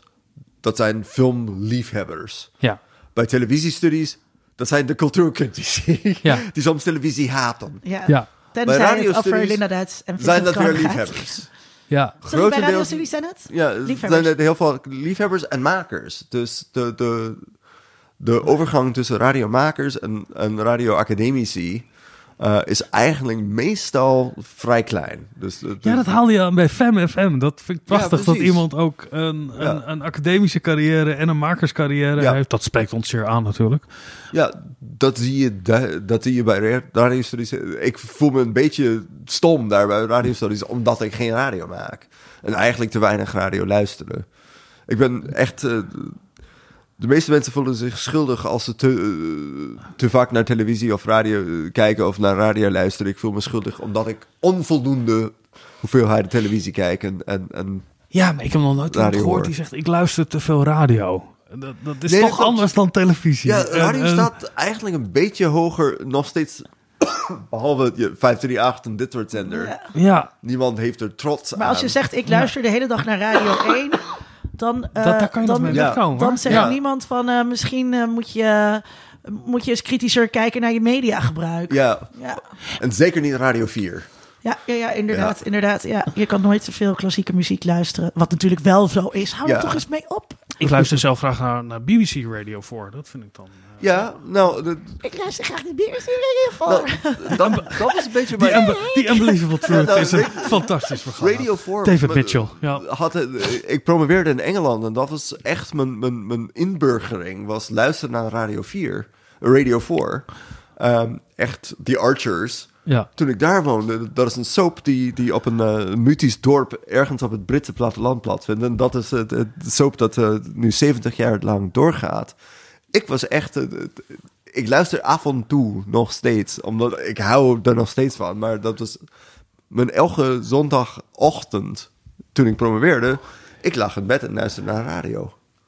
Radio 4, want The Archers Omnibus, dus de hele week programma, had je een anderhalf uur ongeveer. En dan de, de hele quizprogramma, Sorry I Haven't a Clue, of eh, Just a Minute, of, of heerlijk. Ja. Dat was een beetje mijn inburgering in... in Ja, ik vind die panelshows Ja, precies. Ja, dat, eh, Eh. als je kijkt naar huidige... eh, kijk, je heel veel kunstvormen hebben een, een, hun Mhm. eigen cultuurkritiek. Ja. Hoe hoger de kunst, hoe hermetischer de cultuurkritiek vaak is. Is er een soort cultuurkritiek over radio? Jazeker. Een een recensieculturen of... ja, of, of er is... er is een hele academisch tijdschrift over recensies van eh, radiodocumentaires, Radio Doc Review. Wauw. Ja. Wordt door alweer iemand... eh, Die jij goed kent. nou, ja, nou, ik ken de hele ra- radio Ja, ja, community. precies. Dat is een eigen... Ja, Ja, dat, is geen, dat is een club. Ja, dat is een- Ehm, een eigen dat is community. leuk. ja. En die is echt een, een, een lieve community. Ik heb nog nooit op zo'n lieve conferentie eh, gestaan of- of gepresenteerd dan bij de, de Radio Studies Conference. Het is echt, ja, ehm, dus een warme bad van een conferentie. Maar, ehm, maar ja, en, en er is ook een lange traditie juist rondom ehm, om eh, radiodrama, hoorspelen. Dat is een lange kritische traditie. Dat is bijna met eh, films te vergelijken. Ehm, dat, is, dat is niet mijn insteek. Ik ben een cultuurhistoricus eh, en, en, en sociaal historicus. Ehm, er zijn ook men- mensen die juist heel kritisch zijn over, eh, over de vormen van radio die we hebben. Eh, Jason Leviglio in de VS heeft heel kritische stukken over NPR geschreven. Dat is Oh, de- juist NPR, wat dan juist, Juist half aangeschreven ja. zou moeten staan. En, ja, want, maar het is, is ook uiteraard, wordt steeds neoliberaler. En ondanks heel veel pogingen, is, heel, is nog steeds heel wit. Dit is nog een ander punt als we het hebben over vrouwen en radio, wat we nog niet aangestipt hebben, maar we moeten er toch over hebben. De vrouwenstem. Want daar valt Oh, en ja. staat het natuurlijk allemaal mee. Ja. Hoe, hoe kan je eigenlijk weten of het een man of vrouw is? En doet het er eigenlijk toe? Maar voor veel mensen wel, denk ik. Al lang. Nou, ik kan je een paar historisch verhalen vertellen. En het begint met een technisch verhaal. Lange tijd, ehm, vooral in Duitsland, zeiden ze... Nou, we kunnen, we kunnen geen vrouwenstemmen hebben, want de, de, dat komt niet zo goed over een microfoon. Die kunnen het, microfonen kunnen Oh, dat gewoon technische frequenties technisch niet waren, aan. Dus ja. uh, Linda, je moet stoppen, de microfoon kan het niet meer aan. Nou, Ja. misschien Ja. zitten we in een technische tijd eh, waar dat kan. Nee, heel, Maar- veel, heel veel mensen die eh, eh, eh, zeiden ook altijd eh, eh, dat, ze, dat ze deze podcast niet wilden luisteren omdat ze mijn stem niet aankonden. Eh, ja. Ja, nou, Linda, ik heb daar een mooi fragmentje van. ja, policing van vrouwenstemmen. Did anybody ever tell you you have kind of a childlike voice? Oh God, your voice is so annoying. It's so squeaky. It's so high. frantic, grating, obnoxious. Take a shot of whiskey. That may help your voice like sound more rich. A woman's voice is not authoritative. People will not believe her. I got this letter in the mail. It's written on a note card, and it basically tells me that I sound like a Kardashian sister. Linda, wat heb je allemaal gehoord over je eigen stem? Nou ja, kijk, het is, het is, eh, het is, het is een hele mooie illustratie van hoe dit, deze, de- dit soort vormen van seksisme eh, werken. Waarbij eh, er gedaan wordt alsof het iets, eh, alsof het niet, niet seksistisch is. Alsof het aan individuele vrouwen ligt. Alsof het dus ehm, niet structureel iets is dat vrouwen overkomt. Nee, het ligt aan jou. Hè, ik, het ligt aan jouw stem, Linda, want die is dit. Ehm, maar tegen andere vrouwen zeggen ze: het ligt aan jouw stem, want die is dat. En op het moment dat je als vrouw wel een zware stem eh, zou hebben, ja, dan klink je weer te zeer als een man en dan ben je niet te horen als een herkenbaar als een vrouw. En eh, ja, dus het, het sterkt mij erg dit fragment. Daar, daar is een heel mooi ehm, ja, essay, die heet Flexible Sexism en gaat precies daarover. Ehm, want je zou denken, de hoop is natuurlijk dat, de, eh, dat radio een plek zou zijn waar de lichamen van vrouwen minder policed zouden worden. Maar dan krijg je dit soort bullshit altijd. En dit is echt van de argumenten, de commentaar verandert van de jaren 20 tot op heden niet. Ik kan je voorbeelden uit, het archief- uit het archief, zeker van de jaren 40, laten zien, die precies hetzelfde bullshit vertellen. Wat ik altijd zo frappant eraan vind, is dat het, als het hierover gaat, dat dan ook vaak eh, het probleem neergelegd wordt bij degene, eh, bij de vrouw. Mhm. Want ja, als je wat meer gewicht in de schaal wil brengen, wat autoritairder, wat, je hoort het nu ook aan mij, dan ga ik wat Ja. lager. eh, Ja, zeker. En kijk, Mhm. als je gewoon die verantwoordelijkheid op je neemt, dan moet je ook gewoon later gaan, gaan spreken daarover. Eh, het- het- het- maar je zegt, dit, dit, hier zijn we al honderd jaar mee bezig sinds we vrouwenstemmen opnemen, Ja. spreekstemmen over. Mhm. En dan gaat het over het, het, het auto, annoying. eh, het- het- nou, zo, policing. Dat er gewoon Ja, ja, een oordeel precies. over is. Ja. Nou, het grappige is, je hoort eigenlijk als, als je naar oudere, oudere radio luistert, hoor je ook heel veel hogere vrouwenstemmen. Ook spreekstemmen. Dat is echt opvallend. Hoger? Ho veel hoger. Ja. Ehm, dus, dus het zakken van de vrouwenstem voor radio- en publieksuitingen is relatief nieuw. Ehm, in, in dat stuk hadden ze Is over gekoppeld aan het genre? Ik kan me zo voorstellen dat als je meedenkt over Mhm. die... dat als je een programma maakt over het alledaagse en het huishouden... dat er een bevestiging moet zijn dat je juist in een hoog in je register gaat zitten. Maar als je als vrouw over belangrijke politieke zaken moet gaan hebben... Ja. dat je dan lager in het Precies. register... eh, Nou, in, in, de, de- grappig was in, in Duitsland, in, in Bayern. ehm, eh, er is een heel mooi eh, beeld van, alle, van, van heel veel sprekers. En bijna alle vrouwen eh, zijn presentatoren van lichte muziek. Behalve de ene die een diepe stem he- heeft, die mag klassieke muziek presenteren. Ja. Echt waar. En je, je ziet in de, in de brieven die ingezonden waren naar de radiogids... mensen, o- ook heel vaak vrouwen, over haar zeuren. Waarom moeten we zo'n man-vibe hebben? Ja, ja, ja. Oh, ja, dus- Echt? ja, je kan het niet goed doen. Nee, Dat- je dat- kan het dat- niet goed doen. Maar als jij dit hoort, Vincent, wat, wat doet dat dan met jou? Nou, ik merk dat ik eh, bepaalde karakters van een stem inderdaad die dominante associaties heb. Eh, en dat ik dat denk, ja, als er een bepaalde gedragenheid en een rust en een, en een soort baritonachtig iets is, weet ik dat ik dat. eh, dat je het eh, beter kunt aannemen wat voor informatie die stem ja, voortbrengt. en er zijn ook eh, bepaalde politici, vrouwen in de Kamer, die soms spreken dat ik dat mijzelf moet corrigeren door te denken het- dat ik het snel. Verwerp. Ja. Ja, en, en, en dat ik het vanuit dat, dat ik denk van ja. Eh, dat ik het afkeur, laat ik het gewoon zeggen. Ja. Dat ik denk, dat, ik heb niet goed geluisterd, maar wat ze zegt kan nooit veel zijn. Ja. Eh Dat Renske Leijten, daarop, eh, om maar eens ja. een voorbeeld te noemen. Ja. Ik, ik denk dat haar stemgeluid mij ergens primed om te denken dat wat eruit komt ergens niet helemaal deugt. Dus Mhm. ja, ik ben daar, ik, ik, ik ben daar zeer eh, eh, gevoelig voor, voor stemgeluid en hoe dat werkt. Ik weet het vanuit het onderwijs dat ik. Eh, als je hoorcollege moet geven en ik vrouwelijke collega's heb gezien dat als die hun stemgebruik iets anders doen. Ik, ik begeleid ook eh, beginnende Mhm. docenten. En ik heb het wel eens advies gegeven. Weet je wel, rustiger, meer vanuit een buikademhaling. En dat gaat ook natuurlijk over het claimen van autoriteit daarin. Ja. Terwijl je, je verhaal natuurlijk net zo interessant kan zijn als je hoog in je stem en vanuit opwinding en, en eh, spreekt. En is het dan goed dat, dat die vrouwen zich aanpassen aan wat, dus wat, de, wat de mannelijke student blijkbaar graag wil horen? Of misschien ook de vrouwelijke student? Want Nee, ja, ik denk dat vrouwen precies dat- hetzelfde dat, Ik kan niet zeggen dat dat seksisme inderdaad voorbehouden is aan mannen.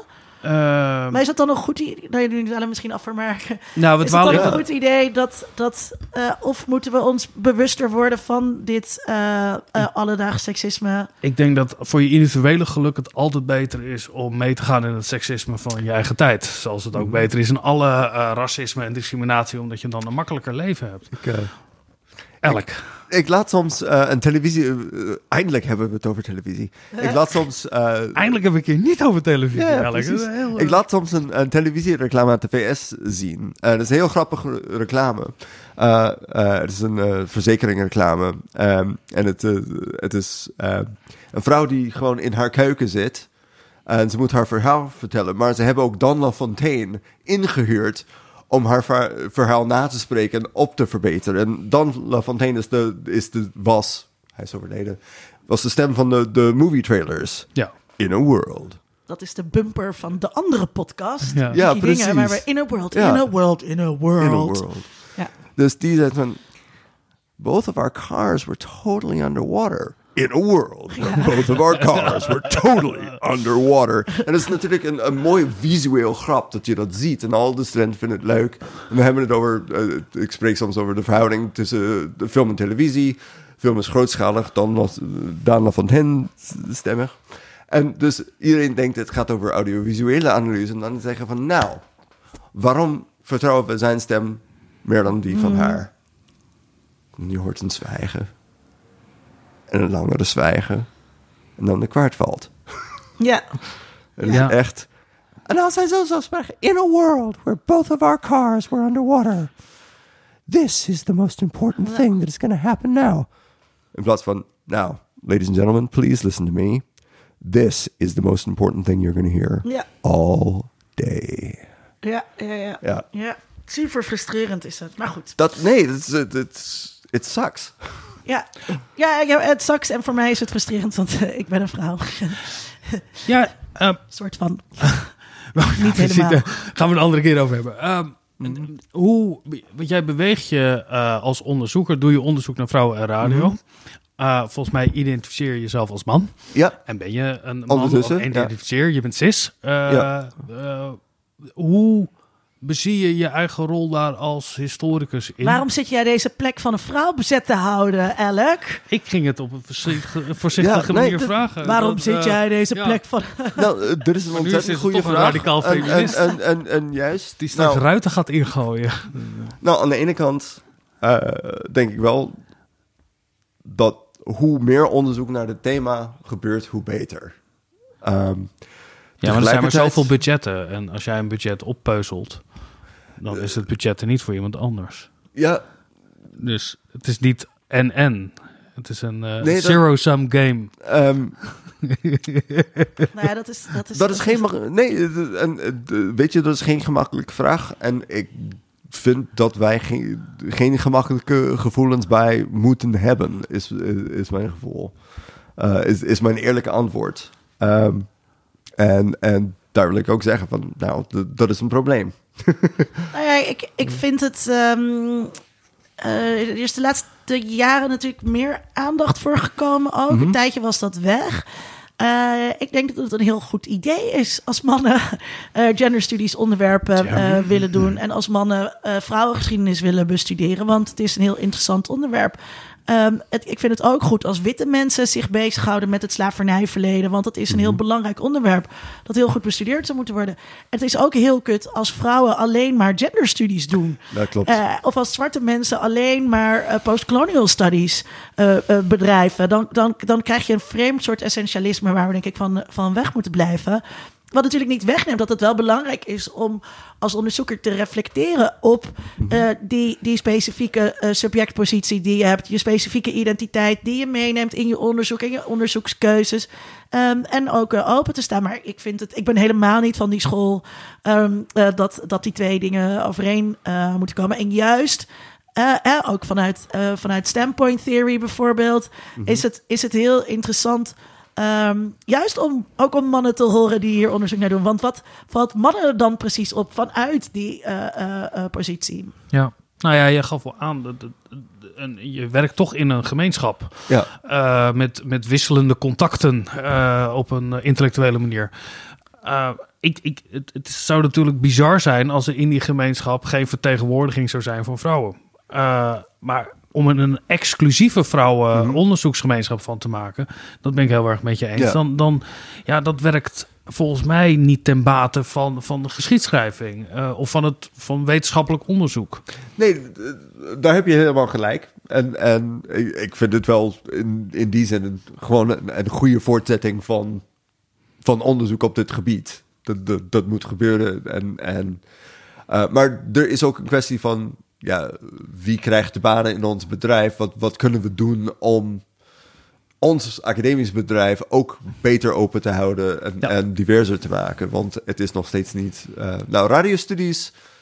ehm qua man-vrouw-verhouding op dit moment lijkt. Als ik naar de, de, recente co- conferenties kijk. ehm, Like- ja, man-vrouw denk ik in de humanities is, is, is, Ja. is niet het, het eerste vraagstuk. Nee. Trouwens, Eh, eh, bedenk ik me zeker. ook, we moeten juist mensen als Alec hebben. Want als hij met zijn stem daarover vertelt in een podcast... Dan gaan mensen ook veel luisteren. meer mensen dit aan als belangwekkend onderwerp. eh, en willen ze, willen ze luisteren. Ja, dus juist, juist. Elk, we gaan afronden. We gaan naar het, het, het beantwoorden van de grote vraag die we hebben. Uh-oh. Eh, die ga ik eerst aan eh, Linda stellen. Dan mag jij hem beantwoorden. Eh, waarom is het belangrijk om radio, geschiedenis en vrouwen te onderzoeken, Linda? Nou ja, ik denk dat het belangrijk is om alle mediageschiedenis te onderzoeken. En ehm, wat ik altijd interessant vind is. ehm, we zijn, waar het ook een beetje in deze aflevering natuurlijk over ging. We zijn veel meer geneigd om het speciale of eh, wat mensen direct bijvoorbeeld al historisch vinden, om dat eh, te bestuderen. Terwijl ik heel erg ook eh, als cultural studies onderzoeker heel erg geïnteresseerd ben in het alledaagse. Ehm, wat wel mooi is bijvoorbeeld ehm, eh, de Koninklijke Bibliotheek, die denkt na over. ehm, eh, eh, wat, wat ze moeten archiveren van het web. En die hebben dus besloten om de gehele webshop van de VND, het warenhuis dat inmiddels niet meer bestaat, om die gehele webshop eh, te archiveren. Mooi. En dat is natuurlijk heel erg goed. Ja. Want dat is een ontzettend tijds- en cultuurbeeld van Nederland. Zeker weten. Eh, wat, er, wat er bij de VND verkocht werd. En ehm, eh, om eenzelfde reden eh, is, is dit belangrijk. Dus dat alledaagse leven eh, van eh, de mens, eh, waarvan de vrouw hij nou eenmaal de helft uitmaakt. Eh, en bovendien ehm, eh, eh, zijn vrouwen, hebben vrouwen wel degelijk ook een rol gespeeld in de geschiedenis. En dat zie je natuurlijk heel sterk terug in die momenten van de vrouwenbeweging. Ehm, en daarbij ehm, binnen sociale bewegingen spelen media altijd een- rol in, in het mobiliseren, in het agenderen van onderwerpen, ook in erachter komen welke onderwerpen interessant zijn.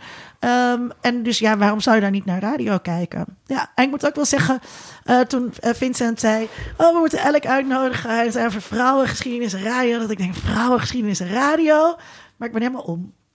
Nou, dat is fijn om te horen. nou, je, je hebt een beetje mijn antwoord o- ook weggenomen. Oh shit, dat nee, nee, misschien nee, moet het nee, nee, anders, eh, dat is. En wij dat willen graag de gast het laatste woord geven. Ja. Als Nou, we, maar als we dat weer op- niet doen, is het ook nou, weer raar. het- Ja. Ik, ik, ik, ik zeg het nog radicaler. I don't give a shit about radio. I, ik ben nooit... Het was nooit mijn bedoeling om radiohistoricus te worden. Ik was geïnteresseerd in culturele vraagstukken. Eh, toen, hoe werkt, hoe werkt de herinnering in Duitsland? En daar zat de radio in het midden. Hoe, hoe worden man-vrouw verhoudingen uitgewerkt? Daar, zat, daar staat nog steeds radio in het midden. Dat is een ontzettend mooie lens. eh, Maar die is niet te begrijpen zonder televisie. Die is niet te begrijpen zonder platen, zonder ons hele geluidscultuur. Zonder ons heel bedrijfscultuur. Als je naar eh, de media-industrie als werkgevers kijkt. Het is niet heel veel anders dan andere werkgevers. Die, je kunt de media-industrie bekijken, net zoals andere industrieën. Hoe krijgen vrouwen een rol? Zijn het, is- er is een heel mooi boek over vrouwen bij de BBC. Die besteedt ook aandacht aan de schoonmaaksters. Die Ja. waren ook met name vrouwen. De producenten. Dus het gaat niet alleen maar over de stemmen. Maar hoe hoog stijg je in een organisatie? Wat is onze organisatiecultuur? Dat is ook radio. En dat zegt niet heel veel over het medium. Maar het zijn maatschappelijke vraagstukken. En dat is voor mij het belang. eh, Dat is mijn belangstelling. Over een bepaald medium. Ik, ik ben niet radiohistoricus geworden omdat ik van radio hou. Ik, ik, daar, de, ik, ik, ik behoor niet tot, tot die club. Ja, Ehm, dat, dat- het zou mooi zijn om er moet ooit een keer een geschiedenis worden geschreven over de geschiedenis van de mediahistorici. Hè? Ja. De, de, de, de mediahistoriografie. Ja? Er is een nieuwe tijdschrift. Histories of Media Studies. Kijk. Ja, die is eh, net deze maand gestart. Is, is En, daar de- en jij, Vincent, want, ehm, want jouw proefschrift gaat natuurlijk over de kwetsbare kijker. Ja. Maar je kan de kwetsbare kijker niet begrijpen zonder de geschiedenis van de radioomroepen in Zeker. Nederland Nee, nee, te nemen, en- omdat en- zij die vertogen over kwetsbare kijkers voortbrachten. En het is natuurlijk, dat Ja. is ook een hele gegenderde geschiedenis. Dat gaat Ja, ook heel erg over, eh, daar sloeg ik ook aan op het binnendringen van een radiotoestel, later televisietoestel. Die, een radiotoestel kon je nog ergens neerzetten, maar een televisietoestel, daar moest de hele inrichting erop ingericht worden. En heel veel, eh, inderdaad, brieven van, van vrouwen ook, die goed verzameld zijn over tips, over hoe Ja. ga ik daarmee om. Het mooiste vind ik, ik krijg gasten eh, eh, en die willen ik wil eigenlijk de televisie niet aanzetten en mijn man wel. En dan is het advies, ja, als mensen langskomen, moet je natuurlijk de televisie aanzetten. Want die mensen vinden dat hartstikke leuk om televisie te kijken. Want die hebben zelf... Die hebben dat niet. En dit, dit is natuurlijk eind jaren 50 was dat of Ja. zo. Dat, dus er zitten wel parallellen in, Aha. in, in die geschiedenis. Hebben we het nog niet over gehad over wat dat verschil is. Daar gaan we misschien een andere keer over hebben. Uh, ik denk vooral dat het heel belangrijk is dat we zien dat er de, de, de, de geschiedenissen die geschreven zijn, hoe ontzettend gemankeerd die zijn. Uh, uh, en hoe eenzijdig uh, die zijn. En dat we juist als we geschiedenissen schrijven vanuit het perspectief van gemarginaliseerde groepen, dat we niet alleen meer weten over die gemarginaliseerde groepen, maar we weten eigenlijk meer over de hele geschiedenis. En dus als we Zeker steeds weten. een andere perspectieven daarbovenop leggen en het debat daarover gaan hebben en de weging daarin. Kijk, er komt niet een ultieme geschiedenis, gelukkig niet. Uh, maar die geschiedenis moet steeds weer opnieuw bedacht worden. En ik denk dat we, uh, uh, en dat is altijd heel gevaarlijk bij historisch onderzoek, maar ik denk wel dat we bepaalde parallellen kunnen trekken met deze tijd, waardoor we bijvoorbeeld heel praktisch anders gaan archiveren.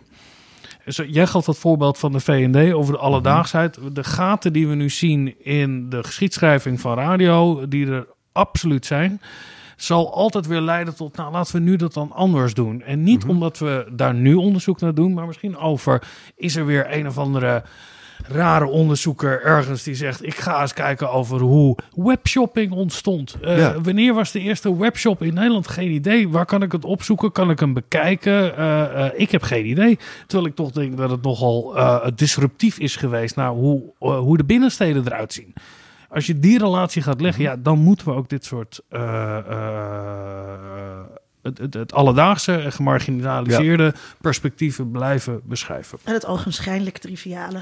Ja.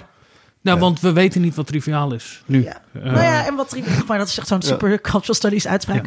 Wat triviaal lijkt is het nooit, maar het is eigenlijk politiek. Het persoonlijke is ook politiek. Maar Mag je wel nog een keer uh, ertussen roepen? Ja. Ik weet, we, we zijn aan het afronden, maar juist bij... Oh, dat, dat, maakt bij ons niet uit, hoor. Dat als, je, als je het over archieven hebt, ja. um, dan wil ik heel graag... Ik, ik schrijf nu een hoofdstuk erover. Uh, het radioarchief... Ja, jij bent uh, endowed door uh, beeld, beeld en geluid natuurlijk. Ja, ja. Dat, het radioarchief is niet alleen maar waar het omroeparchief is. Dat is mijn punt. Bij beeld en geluid hebben we het niet alles. Je moet naar Atria, je moet heel vaak naar uh, een stadsarchief toe. Hoe komt het dat beeld en geluid dat zo slecht bewaard heeft? Ze hebben het televisiearchief al slecht bewaard, maar dit nou, is nog nee, slechter. Nou, ja, nee, dat, dat zijn heel andere maar... Dat zijn belangstellingen van de omroep.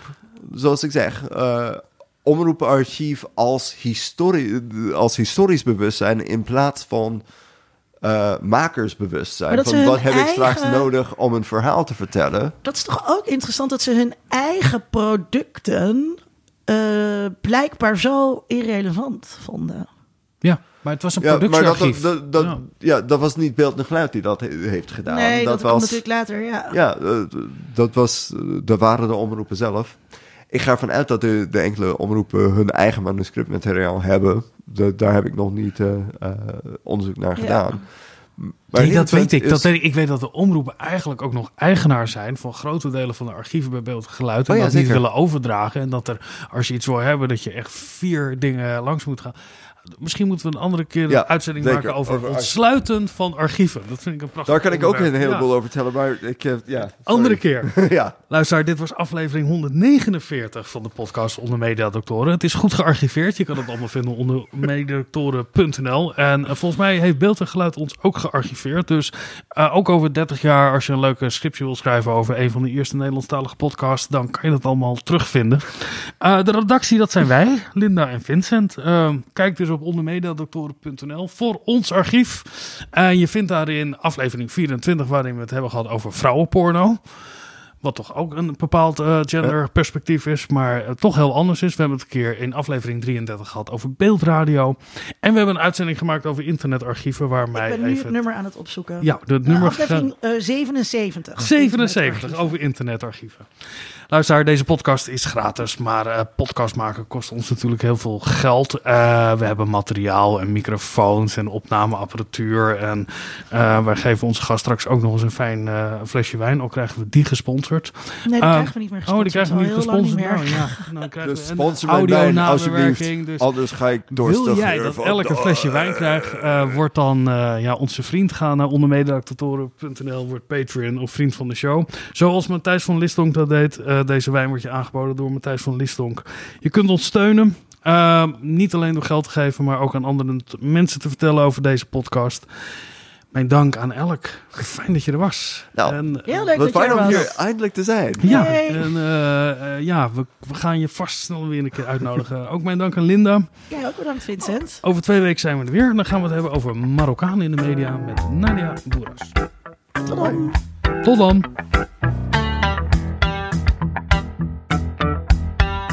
Onder Mediadoktoren is een podcast van Vincent Kronen en Linda Duits. Meer informatie vindt u op ondermediadoktoren.nl.